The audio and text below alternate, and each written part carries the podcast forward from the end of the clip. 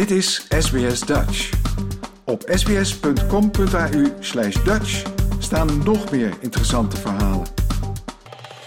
Richard, we horen de laatste tijd veel in het nieuws over RSV. Dat is een uh, virus. Kan je uitleggen wat voor een virus dat is? Ja, RSV is uh, een van de virussen die we eigenlijk al, uh, al meer dan 100 jaar tegenkomen. Maar de laatste tijd steeds meer aandacht krijgt, omdat het toch wel behoorlijk klachten oplevert. Voorheen alleen bij kinderen. Het, het was echt een, een, virus dat bekend stond als um, dat het in het seizoen heel veel kinderen trof. En dat er ook hele afdelingen vol lagen met kinderen die helemaal vol zaten met slijm en niet goed konden ademen. Maar omdat we een steeds grotere, oudere bevolking hebben, merken we nu dat, die, uh, dat het RS-virus ook voor ouderen toch wel heel veel gevolgen heeft. Um, en je erg ziek kan maken. Uh, en de laatste jaren, eigenlijk het jaar nadat uh, we gestopt zijn met COVID-maatregelen, is het aantal RS-infecties enorm opgelopen. En dat heeft ook wel gevolgen gehad voor de capaciteit in het ziekenhuis. Mm, en dat virus dat staat op je longen? Ja, het is een, een luchtwegvirus. Ehm, meestal gewoon een bovenste luchtweginfectie. dus je krijgt een snotneus, zere keel en dat is het een beetje hoesten misschien.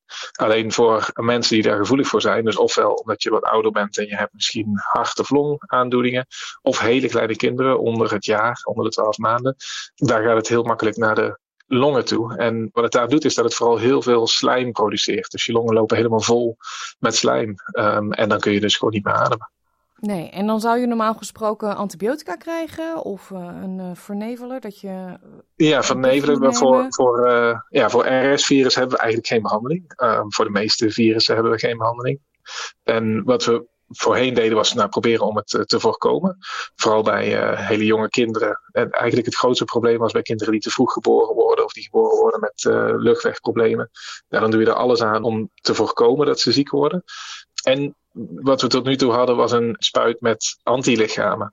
Alleen dat werkte helemaal niet zo goed. Um, die gaven we ook alleen aan kinderen die echt heel hoog risico hadden, omdat er best wel wat bijwerkingen aan zaten.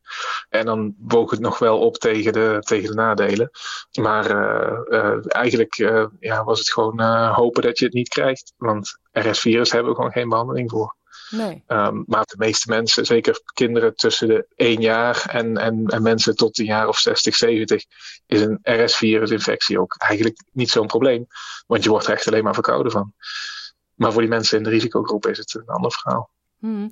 Nou uh, heeft de Australian Therapeutic Goods Administration een vaccinatie goedgekeurd, uh, kort geleden.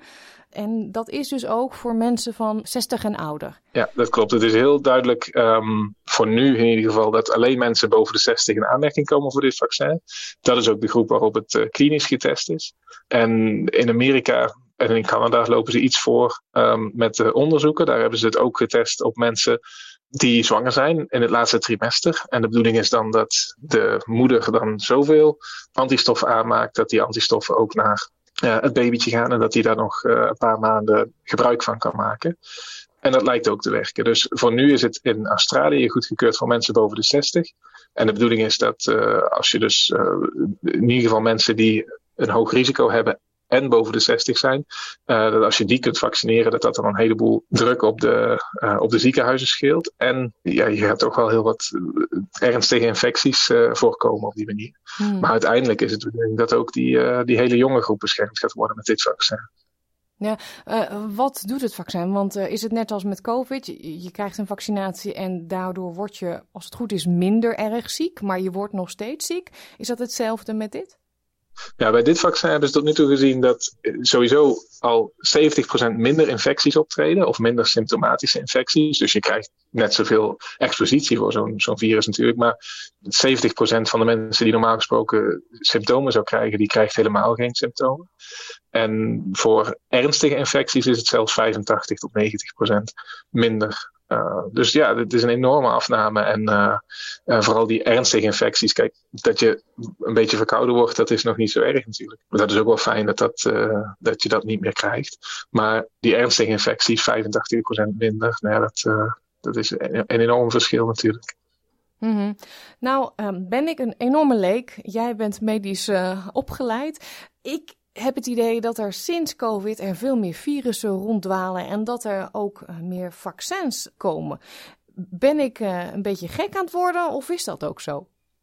ja, allebei, denk ik. Nou, niet, niet het oh, maar dat er meer vaccinaties komen en dat er meer infecties zijn. Ja, dus ik ben niet gek. Nee, je bent niet gek, want de theorie is gewoon omdat we ons zo lang hebben verstopt voor al die virussen, dat ons eigen immuunsysteem daar even niet meer zo goed mee om kan gaan. En dat er nu dus uh, heel veel mensen zieker worden dan wat ze normaal geworden zouden zijn, omdat ze een virus krijgen dat ze drie jaar niet hebben gehad. En normaal krijg je ieder jaar wel, kom je in aanraking met dat RS-virus, want dat circuleert uh, door de bevolking de hele tijd. Alleen normaal word je daar dus nauwelijks ziek van, uh, omdat je het vorig jaar ook al hebt gehad en je lichaam heeft die antistoffen nog. Ja. Maar nu ja, heb je dat misschien drie jaar niet gehad. En dan uh, zijn die antistoffen zo ver weggezakt dat dat helemaal opnieuw moet worden opgestart. En dan kun je er dus wel weer goed ziek van worden. En daarom zien we nu dus veel meer infecties. Of in ieder geval symptomatische infecties. En ernstige infecties. En dat gaat natuurlijk wel weer uitdoven. Want op een gegeven moment dan circuleren die virussen weer zo lang dat iedereen er weer aan gewend is. Maar in de tussentijd heeft het ook ervoor gezorgd dat, uh, dat er heel veel onderzoek is gedaan naar vaccins. Uh, er zijn een paar vaccins in de stroomversnelling gekomen omdat ze veel beter begrijpen of veel makkelijker uh, nieuwe vaccins kunnen ontwikkelen. Maar dat geldt voor dit RS-vaccin eigenlijk niet, want dat was al vanaf de jaren 60 in ontwikkeling. Alleen het wilde maar niet lukken om dat goed te krijgen. En dat is nu eindelijk ja, gelukt. Het is nu een, een, een werkbaar vaccin met niet al te veel bijwerkingen. Ja. Stel, er komt uh, een patiënt bij jou de spreekkamer binnen, uh, 62, uh, hartstikke gezond, nergens last van. Zou jij die adviseren om zich te laten vaccineren? Nee, eigenlijk niet. Iemand die helemaal gezond is en net aan die leeftijdsgrens voldoet, die is waarschijnlijk beter af om zich niet te laten vaccineren voor RS. Dit vaccin is echt bedoeld voor mensen die een risico hebben. Dus ze hebben de ondergrens gezet op 60 jaar, want onder de 60 verwacht je eigenlijk zelfs als je wat astma of iets anders hebt, niet dat je van RS-virus erg ziek wordt. Maar boven de 60 en als je dan ook nog een paar risicofactoren hebt, ja, dan moet je wel overwegen om dit vaccin te nemen. Ja, luister je, maak je zorgen, dan uh, is het advies natuurlijk altijd om eh, contact op te nemen met de eigen huisarts. Ja, ik denk dat die uh, samen met jou goed kan inschatten of uh, dit vaccin wel of niet nuttig voor je gaat zijn. Maar ja, het is dus inderdaad niet zo dat iedereen die boven de 60 is gevaccineerd moet worden, zoals we met COVID toen hebben gedaan. Maar als je die risicofactoren hebt voor jezelf, dan, dan weet je dat waarschijnlijk wel. En dan zou ik het inderdaad overleggen met je huisarts. Nou noemde je aan het begin dat het ook een virus is dat gevaarlijk is en schadelijk is voor kinderen, hele jonge kinderen. Um, in Nederland vaccineren ze bijvoorbeeld al zwangere vrouwen, toch? Ja, dat klopt. Ze zijn in Nederland en in Amerika, Canada, United States, hebben ze zich veel meer gericht op het vaccineren ook van zwangere vrouwen, om die hele kleine kinderen te beschermen.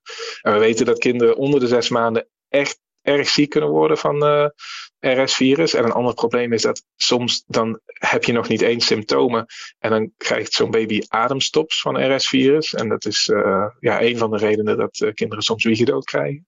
En uh, om die kinderen dus te beschermen en vooral de kinderen die hoog risico hebben, die te vroeg geboren zijn of met longproblemen geboren worden, kun je dus de, de moeder vaccineren.